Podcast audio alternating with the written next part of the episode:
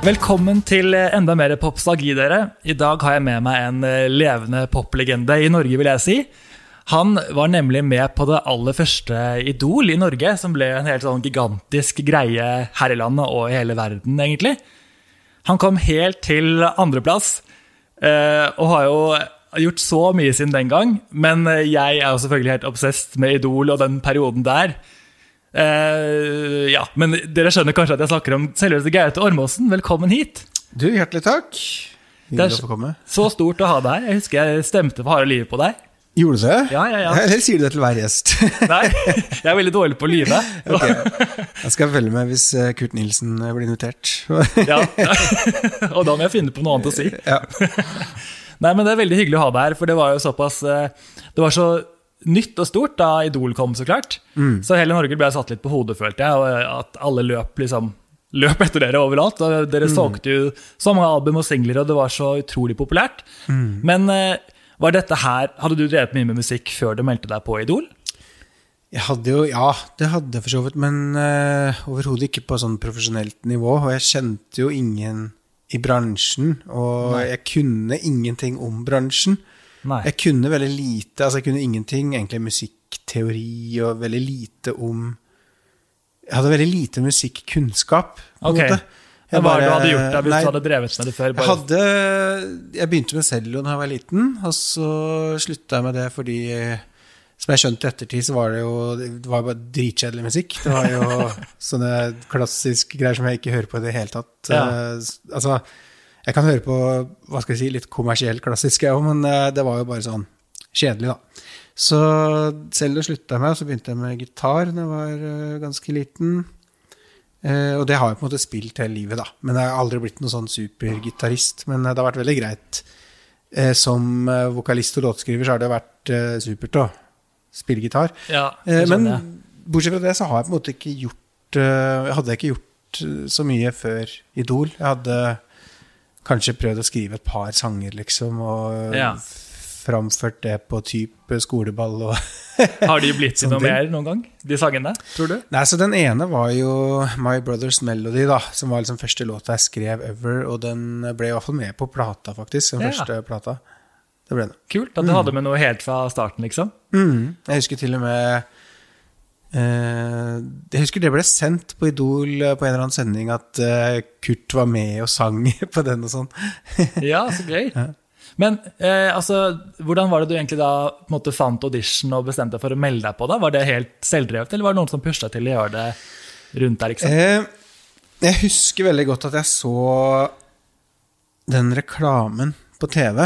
Ja. Eh, Thomas og Harald var helt nye, det var ingen som hadde hørt om de før. Men de drev og figurerte i den derre eh, reklamen og liksom 'Er du Norges nye superstjerne? Meld deg på', liksom. Og du tenkte 'det er jeg'? Nei, jeg husker i hvert fall at uh, Oi, shit, liksom. Her kan du synge, liksom. Du skal synge for dommere. Og jeg ble jo veldig fenga av den uh, på en måte, altså Det hørtes jo veldig spennende ut. Jeg følte jo liksom at det her burde jeg kanskje gjøre. Mm. Men jeg er litt sånn på den tida i hvert fall, så var jeg litt sånn treig, kanskje. Så jeg vet ikke helt om jeg hadde fått somla meg til å faktisk melde meg på. Kanskje ikke det første året, okay. men uh, det var en kompis i klassa mi som, som meldte meg på, da. Ja. Han, visste at, uh, han, visste at, jeg sang, liksom. Så, um, ja, så da, da han meldte meg på, da Ja, da føltes det ekstremt sånn spennende for meg, da. Det skjønner jeg godt. Samtidig husker jeg veldig godt at uh, det var ekstremt stor fallhøyde. For jeg hadde veldig høye forventninger til meg sjøl, kanskje, allerede da på at jeg liksom hadde jo fått mye, veldig mye sånn bra respons hjemme i lille Brumunddal mm. på at jeg kunne synge.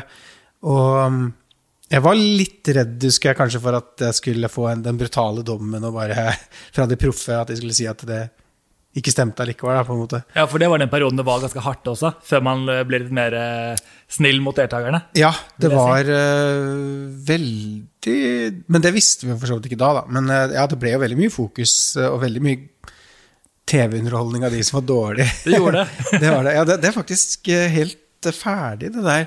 Ja. Det er nok bra. Det er sikkert bra. det det var, det var gøy. Det var mye gøy, men det var kanskje ikke så gøy for alle. Det var jo sånn topp ti dårligste opptredener. Det ble veldig hypet opp, liksom. Ikke sant? Og du var jo heldigvis aldri Ja. med der. Eh, nei, det, da hadde jeg lagt opp. Men det var jo en som var med der, eller Altså, husker du Ulf? Fra sesong én? Ja. Nei, det klarer jeg ikke å huske. Ah, Han sang Osama bin Laden, en sånn selvdikta sang. ok. Eh, det var jo legendarisk, så jeg tror du finner den på YouTube. Eh, legendarisk opptreden. Og den, den Han endte jo opp med å bli med på Idol-turneen. Han hadde jo like mange fans som oss der ute. Han gjorde det, altså det kan funke, det også. Ja, ja. Det var, Egentlig. eh, ja, absolutt. Så bare det er underholdende, så er det jo Så er det jo noe. Ja, ja. Men det er egentlig fint å se som du sier, at det har endret seg såpass mye. da. Og bare sånn med tanke på f.eks. The Voice, da, som handler så mye mer om bare stemmen. Man skal ikke dømme personen helt etter liksom, pakken og utseendet og alt det der. Så det er en veldig fin utvikling, vil jeg si. Ja, Men eh, det var veldig underholdende, og så får vi da egentlig takke den vennen din som meldte deg på. Ja, det, det, ja det, jeg skylder nok han en del. Selv om jeg, jeg tror nok på en måte at jeg ville ha Kanskje nå, da. Nå har det jo gått Ja, hva har det gått? Eh, 2003 var vel det her, eller? 17 år, tror jeg. Ja. Ehm, jeg tror kanskje at jeg ville ha drevet med musikk nå uansett. Mm. Um, om jeg ville levd av det, er alltid vanskelig å si, men ja. Men eh, jeg, det, ja, jeg kan nok takke han for at han uh, sparka meg såpass tidlig inn da, Ja, ikke sant? gamet. Husker du, eller, husker du selv hva du følte før i finaleopptreden? Sånn, trodde du at du kom til å vinne? Nei, jeg husker at jeg begynte å lure litt på en måte om det kunne gå, eh, fordi egentlig så hadde det vært liksom eh, Allerede i Det hadde liksom vært en hel måned der uh, det var liksom ingen tvil. Kurt skulle vinne. Eh, alle, altså jeg visste Kurt skulle vinne, alle visste Kurt skulle vinne. Uh, og, men, men så var det Kjente jeg liksom at eh, ganske seint i oppløpet der så kom den storbandkvelden når jeg sang My Way. Jeg vet ikke om du husker det, men Jo da var jeg det så på den i går. jeg. ja, du så på den i går, ja. Det var akkurat som ting snudde litt da, da. At Ja. det plutselig begynte folk å bli litt mer sånn i tvil. Kunne jeg om jeg kunne klare det? Jeg husker Ja. Kurt ble veldig i tvil. Ble plutselig veldig sånn eh, Jeg lurte på om jeg kanskje kunne stikke av med seieren, da. Men eh, så det, det, det begynte å bli litt spennende, men så følte jeg, så kom den der finalelåta som var She's So High, da, og den var jo mildt sagt skreddersydd for Kurt. Ja, Den passet hans stemme veldig bra. Ja, så Og samtidig så eh, Hadde jeg kunnet gå tilbake der, så skulle jeg vel kanskje bare ha gjort My Way eller en av Ja, noe sånt igjen, da, eh, i finalen, muligens. Eh, jeg valgte vel å synge liksom 'Something About The Way You Look Tonight', eller noe sånt, bare bare som jeg hadde gjort Som jeg hadde gjort en eller annen gang, men det var jo ikke noe som folk huska meg for. Så jeg tror Altså, det var ikke ment at det skulle gå min vei i finalen sånn sett. Nei. Men du- det har ikke så veldig mye å si, føler jeg da. Det hadde nok litt å si Jeg føler litt at uh, han Altså, Kurt fikk jo Jan Fredrik Karlsen og det managementet der. Ja. Og det var nok en ganske god fordel. Mm. For det var vanskelig å finne bra managere på Men mener på du at han tiden. fikk det før han hadde vunnet? eh, Nei, ikke managementet. Nei. Det gjorde, nei da. Nei. Det gjorde han ikke. Så, men men det, det er det eneste jeg kan tenke som hadde vært en fordel med å ha, hvis jeg hadde vunnet. Ja, sånn, At ja. jeg kanskje kunne ha fått Da hadde jeg nok fått et litt Et ordentlig proft management sånn Mm. med en gang. Eh, men jeg, det er ikke, absolutt ikke sikkert at det hadde gjort så stor forskjell. eh. For tror du, Jeg føler ofte at i mange sånne konkurranser så er det ofte litt sånn eh, planlagt hvem som skal vinne. Ikke sånn helt bestemt, men at de legger liksom mye mer på noen utvalgte som de hauster opp veldig. da. Har du, tror du det er sånn noen ganger? Eh, ja, altså, jeg, jeg følte jo litt kanskje sånn Jeg var jo med i Stjernekamp òg. Ja. Og da var det litt sånn at uh, Altså, jeg heia personlig på Adam Douglas på mange måter. Jeg hadde allerede faktisk eh, Som ingen visste om, da, men jeg hadde jo allerede kontakta VG og prøvd å få, få VGTV til å lage en dokumentar om Adam Douglas, for han var helt ukjent. Oh, ja. Ekstremt talentfull. Så jeg hadde prøvd allerede å få VGTV med på laget til å lage en dokumentar da, om Ja. han gutten fra, som liksom flytta fra Oklahoma og spilte på sånne lokale puber og sånne ting. Så jeg heia ekstremt, for han fantastisk fin fyr. Ja. Helt sinnssykt bra musiker. Eh, men så liksom, når jeg skulle være med i Stjernekamp, da, så dukka han plutselig opp der. Og da var vi jo plutselig konkurrenter. Og da var det litt sånn Ok, men, men så, jeg unner jo han uansett all suksess, men jeg, jeg følte kanskje litt at eh, det var akkurat som både dommere og og liksom, Jeg følte at det var litt sånn redsel for at en som meg skulle komme og liksom ødelegge for han som vi skulle se han vi, Alle ville jo se den historien. For dette var hans sjanse liksom, til endelig Ja, dette var jo hans sjanse, og det, jeg visste jo det òg. Ja. Så jeg føler kanskje altså, Det jeg kanskje føl, følte litt der, var liksom at eh, Jeg veit ikke hva jeg skal si, men eh, det føltes litt som at eh, det var litt vanskelig å skulle liksom kjempe mot den historien som alle ville se, da. For det var jo ingen som Hvem er det som gidder å se en som allerede har vært i Idol-finale? ja, du har gjort så mye allerede. Ja, ikke sant? Det var, og, og til og med Jeg skjønner jo den, på en måte. Ja. Så, så det ble bare sånn ah, Ja, det, her hadde vel kanskje ikke trengt å melde meg på sånn sett. Så, ja. Ja, ja, men det, er en, det var i hvert fall en verdig vinner, som du sier. Ja da. Men, men ja, svaret er eh, ja. Av og til så kan det føles litt som at uh, om ikke Jeg tror ikke det er mm, på noen som helst måte rigga, men at man kan liksom føle litt en sånn At det sitter folk eh, både ja, bak i visse posisjoner da, som har allerede en favoritt, på en måte. Det kan man. Mm. Og det er jo naturlig, med. sånn vil jo ja, bli. Man kan jo ja, ikke stoppe det er jo mennesker. liksom. Det er jo mennesker, så ja. Men eh, jeg, altså, jeg vet ikke om En av mine favoritter av det du har gitt ut, det er jo 'Longest Goodbye'. Ja, Som er vel egentlig den første låten du på en måte ga ut eh, på Idol-albumet. da. Eh, ja, Eller var det ja, første du faktisk, ga ut ja, noen Ja, det var jo første låta jeg ga ut, sånn sett. Eh, Var det en sang du var på en måte involvert i selv, eller hvordan var det på den tiden at dere bare fikk sanger? Nei, på den tida så var det jo mer sånn at vi fikk låter.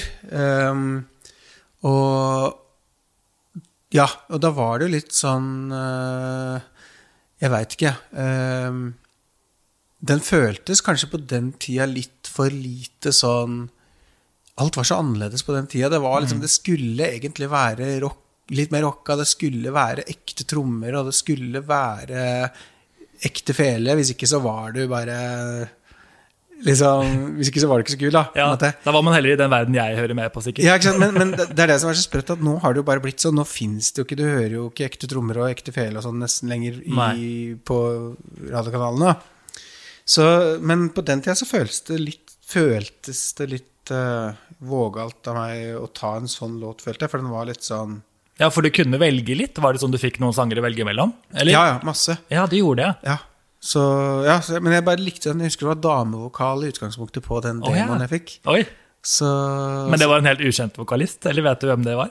Eh, nei, jeg Nei. tror det var lagd i USA eller noe sånt. Men jeg, jeg syns liksom det var en fengende låt, og så gjorde de den. Og så husker jeg at det var ekstremt eh, Den var nok litt feil toneart. på en måte Jeg måtte pushe meg noe jæsklig for å nå på de høyeste tonene der. Og det, men det ble jo på en måte litt kult, da. Den ble veldig Så- kult, syns jeg. Altså, jeg hører på den fortsatt. Og jeg fikk et stort sjokk da jeg fant ut at den er skrevet med en som heter Shep Solomon. Som har skrevet en av mine favoritt Britney Spears-sanger. Oh, ja, 'Touch of My Hand'. sant. En veldig sånn Ja. intim låt hun har skrevet selv, med han. Ja. Han har også skrevet Paris Hilton, Stars Are Blind, oh, S Club Seven, ja. 7, One Direction. Så det er utrolig sånn stort til å begynne med. Da, men som det er sier, interessant, er det jo for det der har jeg aldri undersøkt. Eh, På Nei. den, på den tida så var jeg liksom ikke så eh, Fulgte jeg ikke med, sånn, i hvert fall ikke utenfor Norge, på hvem som har skrevet låter og sånn. Men eh, det er jo sånn som jeg er blitt veldig nerd på nå, da. I senere åra.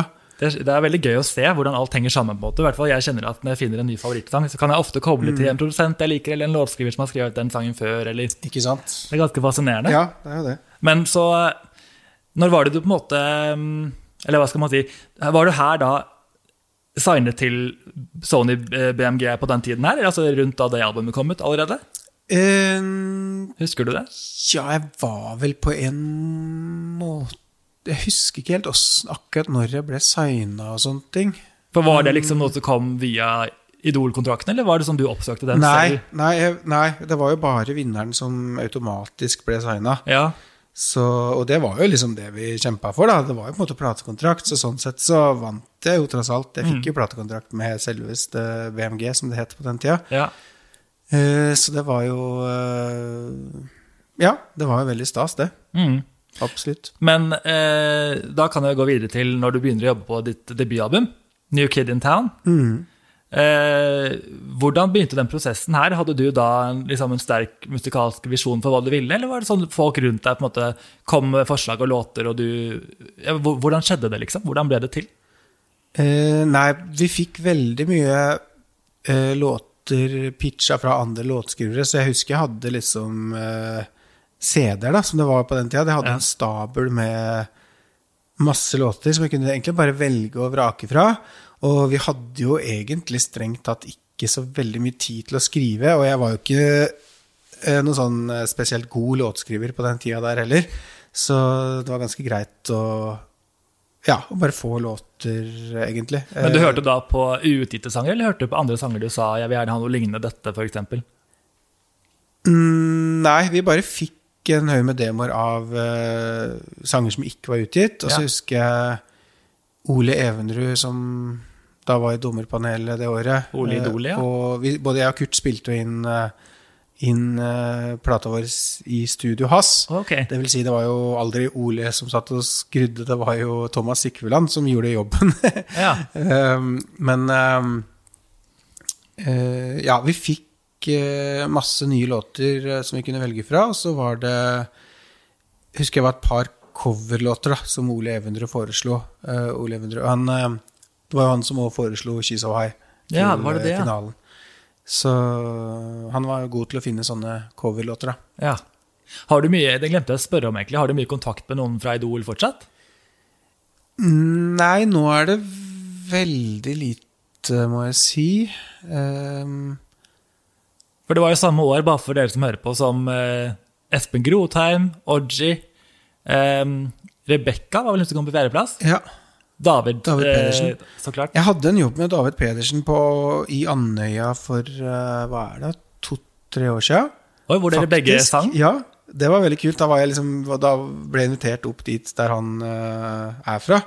Og, så det var ekstremt hyggelig. Da mm, ja, hadde vi en kul konsert der oppe med masse involverte, og etterpå det så var jeg med hjem til, final, eh, til familien til David da, og spiste en god middag og ah, drakk et par glass vin og mimra litt. Og, For en drømmekveld, og Ja, det skulle jeg gjerne helt, observert, meg. innrømme. ja. ja, David jobba jo her på Universal, faktisk. han. En- Ja, det har jeg også hørt rykter om. Ja.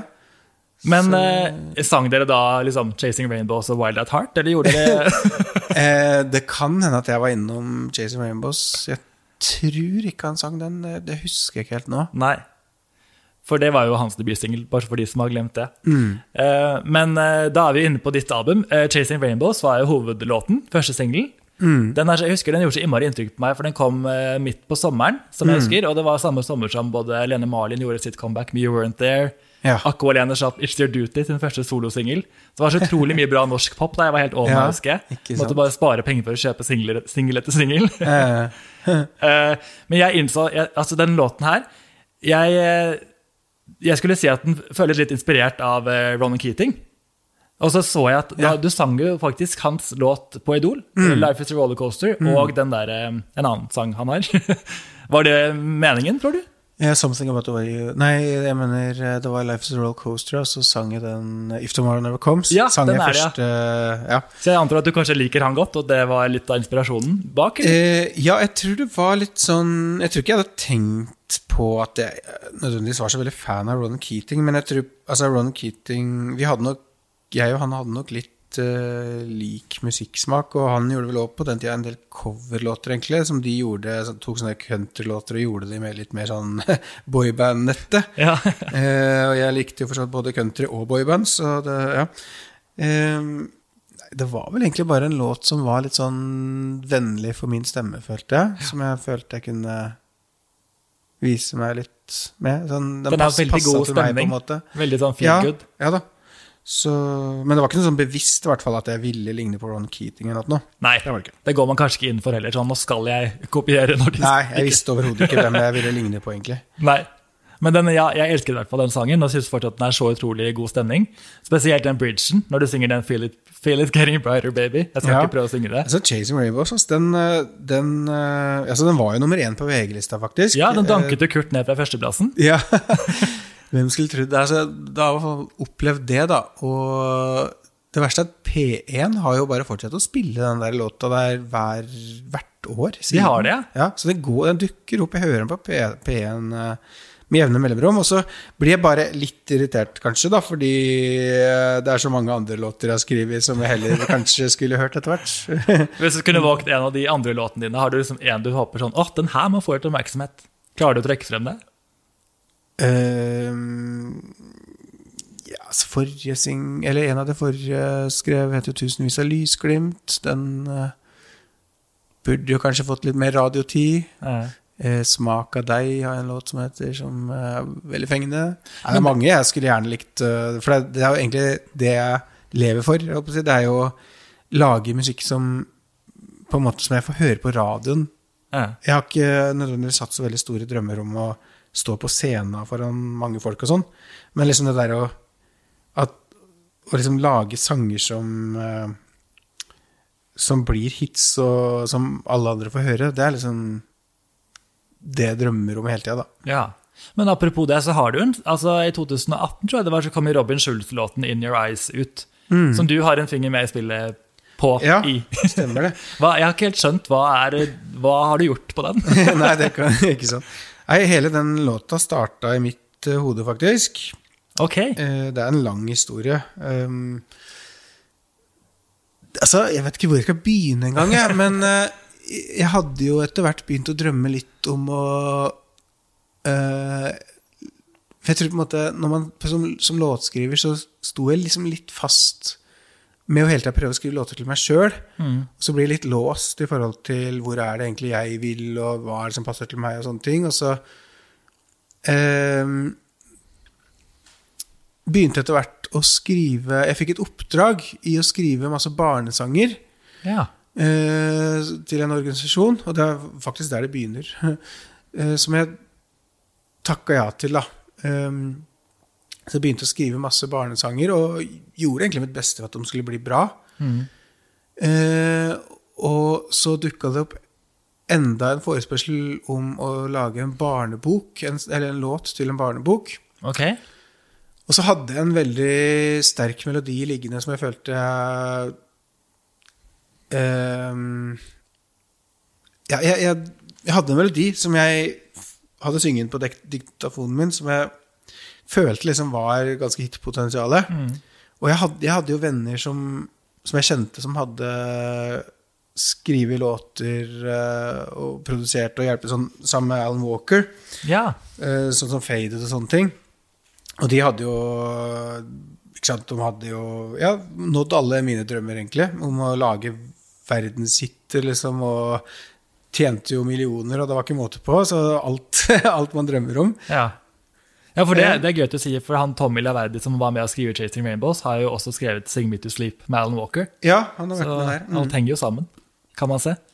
Men på den så var jeg på en måte litt sånn på utsida sånn sett, for jeg var aldri egentlig invitert med på i de sessionene der, der alt det der skjedde. Jeg bare kjente, jeg kjente dem litt, da. Eh, som jeg kjenner de fleste i bransjen etter hvert. Mm. Eh, men så endte jeg opp med å skrive en eh, barnelåt, rett og slett. Som, eh, der jeg bare brukte den For jeg tenkte liksom Ok, den melodien her er kanskje litt for bra til å bruke på den barnelåta. Ja. Men jeg har jo ikke Jeg har jo liksom ikke noe kontakter i forhold til altså sånne, Sånn som Alan Walker og de store artistene der. Så jeg brukte bare den melodien da på den barnesangen. Eh, og det var helt Helt sjukt at det kan skje. For det er ikke så mange som har hørt den barnesangen. Den heter Alvinas trollharmoni. Passer, eh, den er til en barnebok. Ok. Eh, men plutselig, kanskje et år etterpå, så får jeg eh, plutselig en melding av Gunnar Greve, som er da manageren til Alan Walker. Ja. Eh, der det står det sånn følgende Og jeg er jo ikke venn med han på Facebook. Jeg har liksom møtt ham et par ganger, men det var ikke sånn Nei, men han, han hadde plutselig bare hørt den eh, melodien på dattera si sin mobil, sånn helt tilfeldig. Så tilfeldig, ja. Ja. Så jeg fikk melding bare Hei, gutte. Håper alt er bra. Eh, nå har jeg akkurat hørt Alvinas trollharmoni for første gang, og sikkert spilt den 100 ganger. Wow, for en monsterhit. Eh, Så jeg bare lurer på om det er eh, interessant for deg å sende meg alle filer, så vi kan eventuelt prøve å gjøre det her til en Alan Walker-singel. ja. Og jeg bare Shit, liksom. Det er jo det Nå her er det. rundt om. Det er jo, jeg, hvem er det som kødder med meg nå, liksom? Det er, det er helt sjukt, faktisk. Og akkurat, akkurat på den tida der så var jeg litt sånn der eh, nedfor òg, faktisk. Um, hadde liksom Følte litt sånn at uh, livet stagnerte litt med karriere og sånne ting. og Hadde liksom Ja. mange av alle, de- alle Nettopp kanskje fordi alle de der drømmene begynte å bli litt sånn Ok, nærmer deg meg nesten 40, ikke sant? Og ja, en del ting drømmer man egentlig bare kan legge fra seg, på en måte. Ja, jeg skjønner hva du mener. Så bare plutselig bare kommer det, på en måte. Så banker på døra, liksom. Ehm, så selvfølgelig sendte jeg alle filer og så videre. Eh, de jobba lenge, lenge med den låta, og jeg gikk og venta. Skal det ikke skje noe? på en måte? Eh, så er det, det er jo så lang historie, men greia er at det ble sendt eh, til slutt videre til eh, rundt omkring, og så var det jo masse artister som hadde lyst på den melodien, da. Ja, det skjønner jeg godt. Ja, så um, uh, Ja, fikk jeg til slutt beskjed om at eh, Robin Schultz ville ha den. Det, det hører med til historien at da er det jo norske Alida som synger, og eh, Erik Småland og Kristoffer Tømmerbakke som produserer en ny versjon. Men her har de da brukt, endt opp med å Sikkert pga. at Alida er dame, så funka liksom ikke helt den refrengmelodien min, som egentlig kanskje var det beste, men de har da brukt verset. Ja. Og så er det mine korder da. Og den ender jo da opp til Robin Schultz. ja. Og har nå 226 millioner streams Ja, på Spotify. var, var typ nummer fem mest spilte låt på radio i Europa i var det mars i fjor. Liksom. Så innmari kult. Så, så den har jo blitt gigantisk. Um, ja, så, Ja. så sånn gikk det til. Da. Så den melodien starta i mitt, i mitt hode. Det er så gøy å høre. måte- etter det så har det jo gitt meg veldig mye sånn Ja, sjøltillit på at eh, ok, det, det er faktisk mulig, da. At en Mm. melodi kan starte i mitt hode og ende opp liksom på Også. topplista i hele Europa. Ja, ja. Eh, Så jeg har jo definitivt eh, Jeg har gitt meg sånn mer energi til å bare prøve å få det til igjen, da. Det er jo forbannelsen at når du først har fått til en gang, så vil du jo bare prøve å få det til igjen. Så klart, det er en god motivasjon. Man vil jo på en måte Ja. prøve å toppe seg Og selv. det skal sies at jeg veit jo at det, det, er noe ting på gang, så det, det kommer noe greier til sommeren også, som kommer til å bli ganske stort. Via andre artister? Eller da Ja, andre, ja ikke Ja. Robert Schultz. Så spennende. Eh, likevel så skal jeg gå litt tilbake igjen i tid, selv om det her er veldig gøy.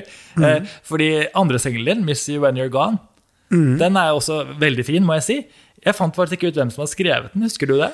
Eh, Det er vel Jørn Dahl og Laila Samuelsen? Det er det, ja. Jørn Dahl er ikke han som har jobbet mye med Wenche Knutson og sånn også? Jo, stemmer. Det hørtes veldig kjent ut. ut. gjør uh, veldig mye sånn TV-produksjoner nå.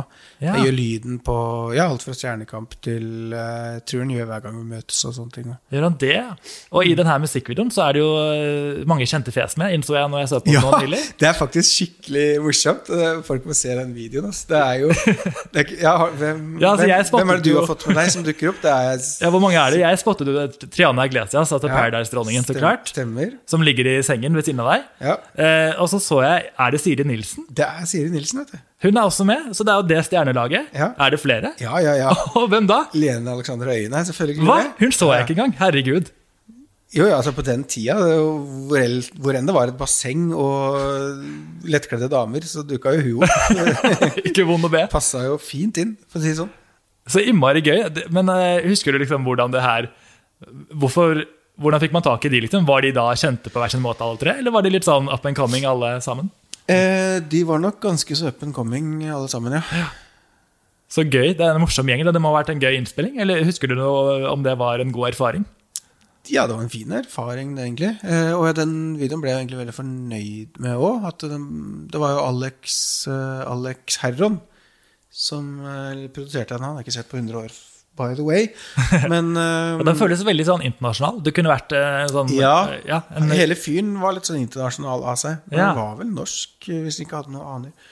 Lenge siden jeg har sett den. Um, ja, nei, det ble en bra video. Det, jeg var fornøyd med både låta og Kanskje mer fornøyd med den, egentlig, enn Chasing Rainbows. Ja, det var det. Mm. Om du skal trekke frem en annen låt på albumet, da har du noen favoritter?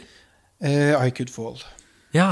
Det var på en måte, og det var jo en låt som jeg skrev sjøl òg, sammen med, sammen med Jørn Dahl. Da. Mm. Uh, men den, da hadde vi allerede plukka ut uh, Miss You Energon som singel. Mm. Så, men jeg syns kanskje I Could Fall ble enda bedre, da. Men, Men er det noen grunn til at albumet ikke finnes på streaming? For jeg måtte høre gjennom det på YouTube. Det ligger jo ikke på Spotify, som jeg kunne finne. i jo, det er bare at du må søke på en eller annen grunn så må du søke på Gaute, og ikke Gaute Orm Å, er det det? Ja, da du. Herregud, da lette jeg ikke godt nok. Beklager. Nei. Men da kan jo alle dere som hører på, gå inn og høre på dette, i hvert fall. Ja. Og, og videoene ligger jo da. Miss You Wanna Gone ligger Ja. på YouTube. Det er veldig gøy å vil se. se en ung eh, Siri Nilsen, eh, Alexandra Nei, eh, Triana, Triana og og Lene Alexandra Øyen. ikke sant? Ja, det er gøy. Det var jo mange musikere som kom. Alle tre har gitt ut hver sin singel i ettertid. Er musikere Altså, ja, ja, ja, ja, ikke sant? Som jeg vet, i hvert Faktisk, fall. Faktisk stemmer. det hadde jeg ikke sett komme. Jeg tror jeg har fått med alt. Ja, Siri Nilsen er jo veldig bra, jeg, men Ja. det har vært stille fra på lenge nå. Ja, det har det Tror jeg. faktisk. Jeg vet ikke helt hva som skjer der. Vi får håpe det kommer noe nytt snart. Ja, absolutt. Eh, Men så går det jo noen år, og så um, Eller du skal si det, album gjør det kjempebra. Selger over 30 000 kopier, og det blir jo en svær hit, liksom. Ja, det gjør for så vidt det. Eh, hvordan følte du at det ble tatt imot? Var det liksom, gøy å turnere rundt med musikken? og hvordan var det Ja, perioden? ja, vi hadde jo Jeg var jo skikkelig rockestjerne et år der. Eller popstjerne, da. Jeg, ja, det var jo litt sånn Jeg hadde jo fullt band, og vi spilte jo hver uke liksom rundt i landet, og eh, Det var egentlig gøy, fordi vi hadde såpass mange jobber med samme band at vi ble ganske innøvd. Ja. Og det er viktig når man er ute og spiller. Det. Eh, Det har skjedd altfor ofte opp gjennom karrieren at eh, det er liksom eh, forskjellige bandmedlemmer fra hver jobb liksom, og sånne ting. da At Ja. man aldri egentlig blir innøvd. Så ja, alltid gøy med de som er innøvd. ja, det skjønner jeg godt.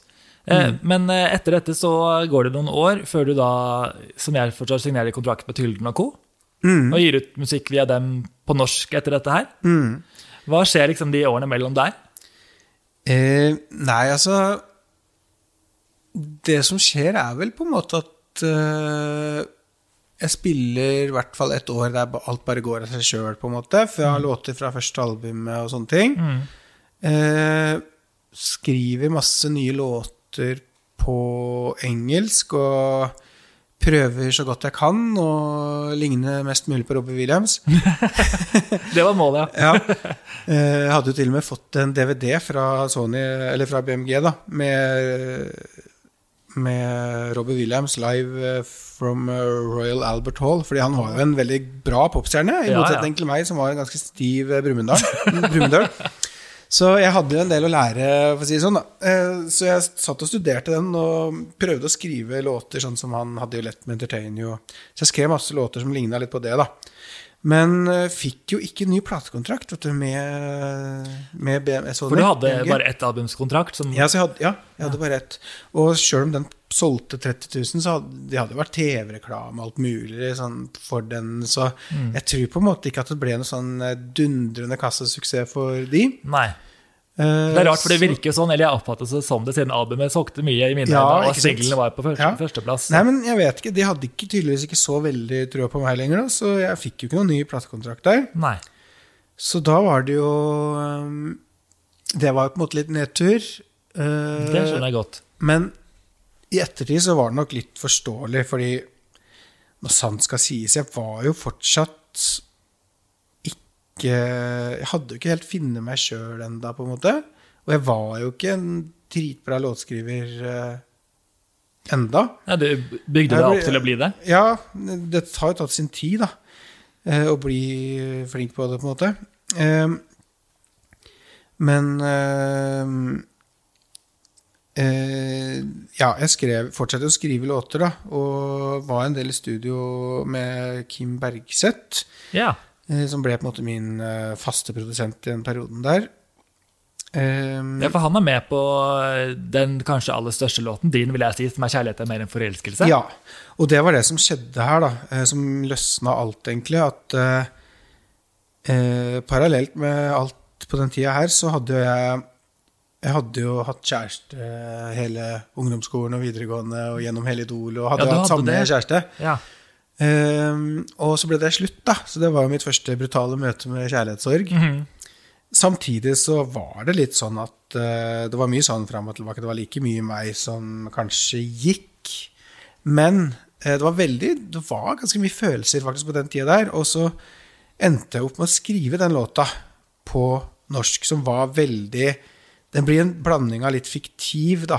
Uh, tekst, men samtidig veldig Den hadde nok ikke kommet, den låta, hvis det ikke var for at jeg faktisk var akkurat i den livsfasen akkurat da. Så for meg så var det på en måte veldig sånn Det føltes veldig ekte, men det var overhodet ikke min plan at den låta skulle ut til folk. For jeg, det ligna jo ikke på Robbie, Robbie Williams. Nei, det gjør, det sånn. gjør det absolutt ikke. Så jeg, det slo meg egentlig ikke at det kunne være noe interessant, på en måte, sånn sett, da. Så det var ikke, du tok ikke et sånn karrierevalg sånn nå blir det norsk for alle penga? Det var litt tilfeldig Nei, overhodet ikke. Uh, overhodet ikke. Jeg ville Altså, jeg Michael Jackson var jo egentlig mitt sånn store forbilde fra jeg var liten, og det var jo litt sånn Jeg trodde jo kanskje litt at jeg skulle i den retningen, faktisk. Ja. Så, så feil kan man ta, da, fordi uh, jeg var jo liksom litt stolt, for jeg syns låta ble litt fin, da. Det har du helt rett i. si. så jeg viste den fram til produsenten min og til manageren min. Uh, mer sånn bare sånn for at jeg jeg følte liksom at jeg endelig nå hadde jeg klart å skrive en hel låt, eller sånn, skrive en låt da, som ble ganske ålreit. Men Uh, så jeg viste den fram. Uh, men det som var overraskende for meg da, var jo at de begynte å pushe på at den her må faktisk ut. Og så, ja, men, så jeg var bare Men hallo, den er på norsk, liksom på hedmarksdialekt. Og Ja. På den tida var det Det var helt sånn urealistisk for meg, for jeg, hadde jo liksom stort sett stått og synget poplåter på engelsk eh, under Idol, da. Ja. Eh, For øvrig så hadde, Men jeg hadde jo en ting som jeg tenkte på. Det var på Norsk på norsk-kvelden så sang jeg en Prøysen-låt. Jørgen Hattemaker. ja, det gjorde du, ja. Og det merka at det var, hadde en veldig stor effekt å synge på norsk. Ja. Det var akkurat som folk plutselig så på meg som en mann av kjøtt og blod. Det er liksom lettere å knytte seg til. Det føles veldig mye Jeg nærmere, det. syns jeg i hvert fall. Så eh, jeg gikk med på å vise fram eh, låta til plateselskapene. Eh, til Da også Sony, eller nei? Du, tilfeldighetene ville faktisk at jeg møtte Jeg møtte Cecilie Torp Holte, som jobba i Sony da. På den tida møtte jeg husker jeg på matbutikken Nei, ikke på matbutikken, på en klesbutikk eller noe. Okay. Når jeg hadde akkurat den ferske demoen i CD-en, liksom. Ja. Så jeg husker jeg ga den til hun Altså, ja, Du må høre på den låta her, da, liksom, eh, men jeg har ikke peiling om vi hørte på den, eller hva som skjedde. Oi, det lurer jeg veldig på. Mm, jeg lurer litt på, egentlig. Ja. Men uh, vi fant ut at ok, hvem er det som gir ut norsk musikk? av? Det er jo liksom, det er ikke så mange, for det var veldig få artister på den tida, i hvert fall unge artister, som sang på norsk. Mm. Da hadde, hadde da, husker du om hadde Sandra rukket å slippe Sommerflørt da? Nei, nei, nei. Nei. nei, nei Overhodet ikke. Jeg var på en måte første siden Jahn Teigen, føler jeg nesten. altså. Ja. Trailblazer. Altså, Du hadde de gamle gutta. Du hadde Bjørn Eidsvåg, eh, Jan Eggum, eh, Hellbillies eh, de, de liksom rutinerte Men det var veldig få Det var nesten ingen jeg kan huske sånne unge som gjorde det. Så, men vi fant ut ok, hvem er det som gir det på norsk. Nei, det var visst Tylden, da, som ikke jeg kjente til. Men ok, men da går vi til Tylden. Det var eh, helt konge, faktisk, for da kom vi inn på legenden Audun Tylden sitt kontor. Og tror vi spilte opp eh, ca. ti sekunder av låta, så husker jeg han så på den. Det her er bra. og så var det liksom ja, Du kan si at før låta var ferdig, så var jo platekontrakten på bordet, da. Og så gøy det må være å få den responsen. Ja, det var det, og det, det føltes veldig riktig. Og det var egentlig helt tipp topp å være på Tylden eh, en stund da. Eh, de, eh, der var jo på en måte en stor fisk i et lite vann. da I forhold til Sony så blir det på en måte en liten fisk i et stort vann. på en måte Ja, skjønner. Så det var egentlig veldig bra å være på Tylden. Det eneste som kanskje de ikke var så veldig hva skal jeg si, nøye på, var vel sånn imagebygging. Der var det, hadde de en helt annen stil, for de hadde jo mye danseband og sånne ting. Ja. Så alle bilder som ble tatt av meg, var litt sånn usexy. Det var sånn fullt dagslys og eh, sånne ting. Eh, og jeg husker Audun Tylden var jo veldig sånn at eh, den første plata mi Han hadde funnet det geniale navnet på første plata mi. Ja, hva er det? G for Gaute. Det var han som fant på det? Ja. Jeg bare Nei, nei, hallo, rulle, er du gæren? Jo, jo, jo, den skulle hete G for Gaute. Ja. Det var sånn Ja, men Du kunne ikke si noe der, liksom? Nei, nei, det var liksom sånn Den skulle hete G for altså, det var klar- Det verste er at han hadde jo en sånn der egen evne til å få folk med seg, så Det endte jo opp med at plata het G for Gaute. Det er, det, er, det er jo det teiteste navnet som noensinne er gitt ut på en plate. Men han hadde kanskje et poeng, der, for folk glemmer det jo ikke. liksom. Nei, man gjør ikke det. Det er litt som en sånn eh, barnelåt. og Det, bare, det, setter seg, det er på en måte et veldig enkelt navn, som du sier. Ja, som bare, ja, så det var liksom, ok, På alle de åra under Tylden så var det sånn image mitt rakna litt. Men uh, samtidig så Så hadde jeg liksom et plateselskap som virkelig tok meg seriøst i utgangspunktet, Ja. og som, som var liksom backa meg i mange år, og gjorde veldig mye bra for meg også. Så, Og den sangen kom jo helt til fjerdeplass på VG-lista. Lå der Ja, i mange, ja, ja. mange uker. Ikke sant? Ja, Har jo gjort det så bra. Og du slapp jo også ny eh, Ja, remix en, for noen år siden. ting, er jo- en ting er jo liksom at uh, den gjorde det greit uh, sånn til starten av, men det jeg merka, er jo at det er kanskje etter åtte-ni år med den låta, så begynte jeg å merke at oi, nå begynner allsangen å komme, liksom. Ja. Ordentlig, når jeg er ute og spiller. Og så Og nå er det sånn, ikke sant, nå trenger jeg jo ikke, jeg trenger ikke synge sjøl på konserter. Altså Publikum bare tar over og synger den låta, liksom. Ja, Det skjønner jeg godt. Man kan, altså, jeg kan selv helt ordet Det er veldig gøy. Så det er jo nei, det er sjukt, altså, den historien eh, Ja, jeg så ga vi ut den remixen, da. Ja, med og Loke. Da, da, ja, og da dundra det jo Da bare smalt det jo enda mer. For Ja. da hadde vi en eh, versjon som funka på dansegulvet òg. Jeg tror begge til sammen har sånn rundt 20 millioner streams på Spotify. Det er rundt 10 eller, Ja, det er helt vilt. Veldig imponerende. Det verste var at jeg var faktisk her, som vi sitter nå, her på Universal, med 'Kjærlighet og min forelskelse'. For den, den holdt på å bli signa her. Oh, ja. Eh, vi hadde litt sånn hemmelige forhandlinger, men så fant vi ut at vi hadde kanskje kommet litt for langt i forhandlingene med, med Tylden, da. ja. Ehm, og da var det litt sånn, ok, eh, det var kanskje Det hadde jo vært litt kult å være på Universal, da. Så det var Du er her nå, i hvert fall. Jeg er her nå. innom- På besøk. Ja, hyggelig men eh, en annen ting som jeg selvfølgelig er veldig fascinert av, er at du hadde en rolle i Hotell Cæsar. Stemmer det? For jeg hadde jo Kristin Frogner her for ikke så lenge siden, altså Ja, Charlotte, ja, mm. som jeg er veldig veldig fan av. Mm. Da fikk jeg høre litt sånn behind the scenes-greier, og det er veldig gøy å komme tilbake i den verden der. Eh, hvordan fikk du denne rollen? Nei, det var faktisk eh, hun som var med og lagde videoen til 'Kjærlighet er min forelskelse'. Hun heter Andrea. ja. Hun jobba i noen sånne castinggreier. Og så, så spurte jeg, da. Det var liksom en rolle De trengte en musiker som skulle spille en musikerrolle. Det er bartender og popartist, Ja. på en måte. I Hotel Cæsar. Altså, da, var, da var det sånn Men ok, kan jeg gjøre det her? Jeg har jo konserter i helgene og sånne ting. Ja, ja, men det er ikke noe problem. Det er mandag til fredag.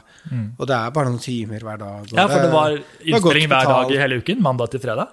Eh, Ja, ja, sånn basically det kunne hende jeg hadde en dag fri hvis jeg ikke hadde noen scener den dagen. og sånn. ja. Eh, og studio lå jo på Myren nei, ikke Myren, Ja, ved Myrens verksted der. Eh, midt på hva heter det, Sagene, Grünerløkka Ja, der, ja. Mm. Og jeg bodde jo rett ned. Alt var liksom så veldig tilrettelagt, på en måte. Eh, og jeg har jo drevet med skuespill litt sånn som barn. Ja, ok. Så, så det var på en måte det, det føltes jo litt som en sånn At alt var på en måte litt sånn made for me, på en måte. Den er så komisk, den startscenen hvor du sitter på sånn eh, veldig hardt intervju med Storm. Når du skal få søke om jobb som bartender, da. Ja, Han griller deg skikkelig. ja det gjorde du kanskje. Hvorfor er, husker hvorfor var, husker du hvorfor han var så streng? For jeg ble sånn, Hva er, hva er bakhistorien her? For Han er liksom veldig sånn kritisk til deg. Og så kommer Julian Kransen inn, og da mykner stemningen, for hun har tydeligvis mer makt. da. For hun var hotellsjef på den tiden. Ok, Nei, jeg husker ikke sånne detaljer lenger, altså. Du kommer med en god oppskrift på Tequila, i hvert fall. Nei, Margarita, mener jeg. Ja, ja, nemlig. Ja. Jeg skrev, en del Tequila, en del lime juice. Et, Ja. En halv del trippelsekk, som jeg ikke vet hva er for noe. Vet du? Nei. Jeg skulle ønske jeg var bedre bartender på ordentlig, faktisk. Ja, Jeg er glad i gode drinker, men jeg er dårlig til å lage dem. Du var overbevist der, i hvert fall. Ja, så bra. Eh, Du spiller til og med en sang i serien. Gi meg et bilde.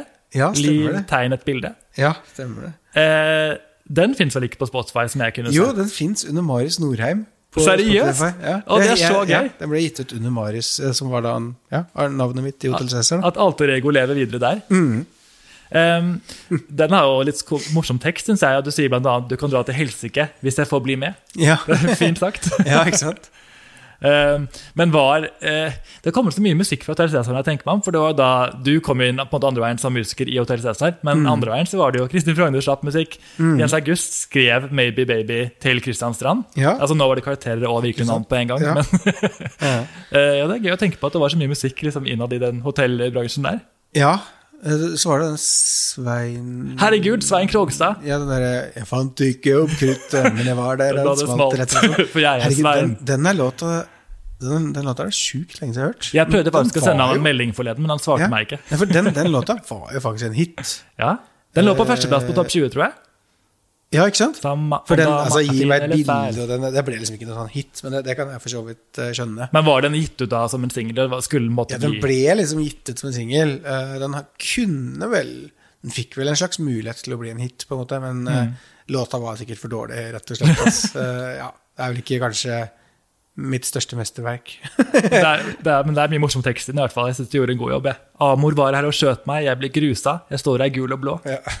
ja, det er mye Husker du resten? Det blir mye rare tekster på norsk, egentlig. Men um, nei Nei, den låta der ligger langt bak i minnet mitt. Altså. Ja, den gjorde i hvert Jeg har det med å gå videre og prøve hele tida å skrive nye låter, egentlig. ja, ja, Det er vel egentlig en fin strategi, det, da. Ja. Eh, Så har du jo vært innom eh, Skal vi danse? Du har vært med i Grand Prix 2010, var, var du vel med? Mm. Synk eller svøm, det var jo en låt som du gjorde med Kim Bergseth, var det han heter? ja, stemmer. Og Lara Samuelsen, som da også skrev eh, låten til Wenche Knutson det året. Ja, I Grand Det Prix. ja. Mm. Eh, det var det året Didrik Solli Tangen vant. Hvordan Ja. var det å være med der? Var det flashback til Idol Ja, altså Hele greia for vår del der var liksom at jeg skulle ut med plate. da Og så foreslo min daværende man manager Steinar Fjell at uh, jeg måtte bli med på Grand Prix med Synk eller svøm, fordi den var såpass spesiell med tuba og kirkeorgel og masse rart at det kunne på en måte funke for Grand Prix. Det har en veldig annen sound enn det man Ja. forventer. Ja, og, Men jeg, jeg husker jeg var egentlig ikke spesielt gira på det. Jeg syns kanskje ikke låta var liksom kul nok. Nei. På en måte Det var liksom ikke sånn at jeg tenkte at det var den beste låta på plata mi, liksom. Eh, men eh, da var det liksom sånn Nei, hvis vi ikke gjør det, da vet ikke jeg åssen vi skal klare å få solgt noen plater og sånn, så ja, da får bare gjøre det, da.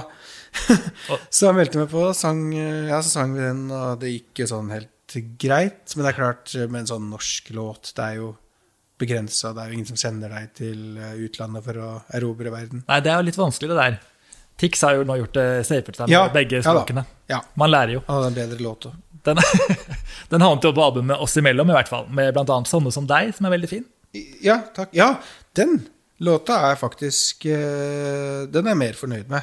Ja. sånne som deg. Og den det er en sånn type låt som aldri har vært en singel, mm. men som jeg på en måte har måttet tatt inn i livesettet mitt på konserter og sånt, fordi jeg ser på Spotify at den er jo ekstremt mye streama i forhold til at eh, den aldri egentlig fikk noe push. Ja, liksom. Den lever sitt eget liv. ja rett og slett. Det må være gøy å se. Mm. Eh, når du ser tilbake på alt du har gjort nå, da, fra alt av musikk du har gitt ut, Ja. og alt, liksom alle ulike sjangere, du har gjort så mye forskjellig, hva er det du på en måte ser på som ditt eh, sånn Når føler du at du liksom eh, ga ut din beste musikk? Hva er du mest stolt av i dag? Eh, Jeg er mest stolt av eh, den barnelåta mi som har blitt eh, Som har erobra Europa, liksom. Ja, En kvart milliard streams. Ja, fordi For det første så er det det at den er ene alene starta i mitt hode. Og det eneste som har gjort at den har kommet seg ut i verden, er rett og slett at den var jævlig bra. Fordi det er ingen som hadde gått på det tidspunktet til Gaute Ormåsen og spurt om jeg har noe eller sånn. Det var bare fordi låta jeg hadde skrevet, var jævlig bra. Ja. Rett og slett. Så det er jeg sykt stolt av. Det skjønner jeg godt. Men jeg skal si, jeg har skrevet masse dårlige låter òg. det har Men vel du, alle. nå må jeg nevne en ting, for jeg, nå titta jeg ned på mobilen, og her har jeg en, mobil, jeg har melding av Bosson. Hva? Ja. One in a million? Yes. Nei, nå tuller du. Oh yes. Sjølveste Herregud, legenden. hva, du kan, tror ikke ut det er hemmelig, men hva sier han? Han skriver Halloi, missade din post her. Kan du skikke skicka den til meg, så kan jeg legge opp. Og da snakker vi rett og slett om en remix som jeg har lagd av One and a Million. Nei, nå tuller du. Nå får jeg helt frysninger. Remix, ja. Det er det ikke jeg som synger, da, men jeg har bare produsert Shit, så gøy. Er det lenge til den kommer? Eh, den har kom eh, for nå på fredag. Hva? Den kom nå på fredag. Jeg har ikke hørt den engang. Nei, Oi, oi, oi. Den, er, den er jo ikke Greia er at eh, det er så mange som lager sånne nye fiktive navn nå, ikke sant. Eh, og det tenkte jeg, nå skal jeg bare prøve det, òg. For Ja. jeg sitter jo og leker meg i studio, ikke sant. Ja, ja. Og jeg var jo veldig fan av Bosson og One in a Million når jeg var eh, typ eh, videregående, husker jeg. Ja, jeg også. Så um, Så jeg fikk lyst til å lage en remix av den, da. Eh, så gjorde jeg bare det. Men jeg, kan jo, jeg har jo fått en, eh, en vokalist eh, som heter Diana til å synge. Okay. Så jeg kan liksom ikke bare gi det ut under mitt navn. Så jeg måtte Nei. bare finne opp noe. Så, og det her er faktisk etter at jeg ble kontakta av deg, men jeg har jo funnet opp et navn som heter The Nostalgia Mafia. Ah, det passer perfekt til her du er i dag. Ja, Popstalgien, faktisk. Nostalgia Mafia. Yes. For en fin rød tråd. Ja, helt eh, rått. Så eh, vi får se om det blir flere låter etter hvert. Men eh, jeg merker at eh, jeg har bare gitt ut Og jeg er ikke noe plateselskap, så jeg, har ikke, pei- jeg er for dårlig. Jeg vet ikke hvordan jeg skal pushe det her på Spotify. Sånn. Så den har jo ikke fått noe mye streams. Så den, det, vi hadde litt dårlig tid når vi skulle gi den ut, så den havna jo ikke på sånn New Music Friday. og sånne ting. Så den, men eh, låta ble ganske kul, da. Og, men nå, Bossan han skal dele den nå, så det, kanskje det hjelper. Ja, kanskje det. Da, jeg kommer til å benytte meg av din kontaktinfo. Jeg vil gjerne ha tak i han. Ja, ja. Nei, den, ja det må du absolutt. Det skal du få. Men så gøy. Men, da, det er veldig gøy. Sverige, da. Men ja. Ja, men det skal vi nok få til når korona gir seg. Så skal jeg dit og intervjue alt fra Ja, A-Teams til Boston. Ja. Det er planen i hvert fall. Ja, ja, ikke sant? Eh, og før jeg runder helt av, Har du noen forslag til flere norske eller internasjonale gjester jeg burde ha, som er på en måte gøye, har gjort mye gøy fra 90- til 2000-tallet? Sånn i den verden, liksom? Nei, altså, jeg ser jo at du allerede har hatt eh, Christian Ingebrigtsen her, Ja, det var eh, som er gøy. min gode venn. Vi, har jo, vi gjør jo masse konserter sammen, både juleturneer og Vi har en duopakke. Ja. Det er veldig kult. Da spiller jeg gitar, og han spiller piano, og så bytter vi av litt av og til og synger hverandre sanger, da. Så Ja, så låter. Så han er jo veldig god venn av meg, så, men han har du jo allerede hatt som gjest. Ja, ikke sant? Eh, Bosson bør du definitivt få inn, fordi han er en sånn legende som aldri, aldri må bli glemt. Jeg er helt enig. Eh, skal vi se Så er det hvem som er oppnåelig òg, da. Eh, få tak i, liksom. Du får i hvert fall føle deg privilegert, for det er svært få mannlige gjester i podkasten min. har innsett, så du er en av de få som har sluppet denne popstjernenålet mitt. Ja, ikke sant Å! Opus X! Herregud, ja! 'Loving a Girl'. Ja. Kjen- Vet du hvem de Kjenner du de? Nei, jeg, det er det mest mysteriske bandet ever. Ja, Men, hvem eh, er de? Det er de bare kom De var visstnok fra Raufoss. Kom med den feteste låta som noensinne er skapt i verden. Og så, og så bare stakk de talas. Vi skal aldri mer gi ut noe som helst, og glemme oss. Ja, det er så rart, og eh, perfekt forslag. Jeg noterer det med en gang. Ja, Opus X. Da er det bare å glede seg til denne Altså, jeg har hørt så ekstremt mye på Opus X eh, i min ungdom. Ja, den er så kul. Men eh, det er du også, Gaute. Jeg må bare si tusen takk for at du ville være med. Du, takk for meg, så det var hyggelig. Det var skikkelig gøy å mimre tilbake til denne her For meg er det en sånn drømmeperiode, men da Idol liksom var helt all over the place. Jeg bare føler jeg brukte all min tid på å stemme på deg og se på. Det var utrolig gøy å Takk, sitte ja, du, her. du får sende faktura, forresten. Jeg har ikke mange jeg skylder penger. Altså. Det er helt, eh, ja. Det skal jeg gjøre. Men ja, takk for at du ville være med. Det var veldig hyggelig. ja, takk for meg. Takk. Og eh, takk til dere som har hørt på. Det her er jo selvfølgelig Popslagi med meg, Erik Rydning, og i dag var det fokus på Gaute Ormåsen.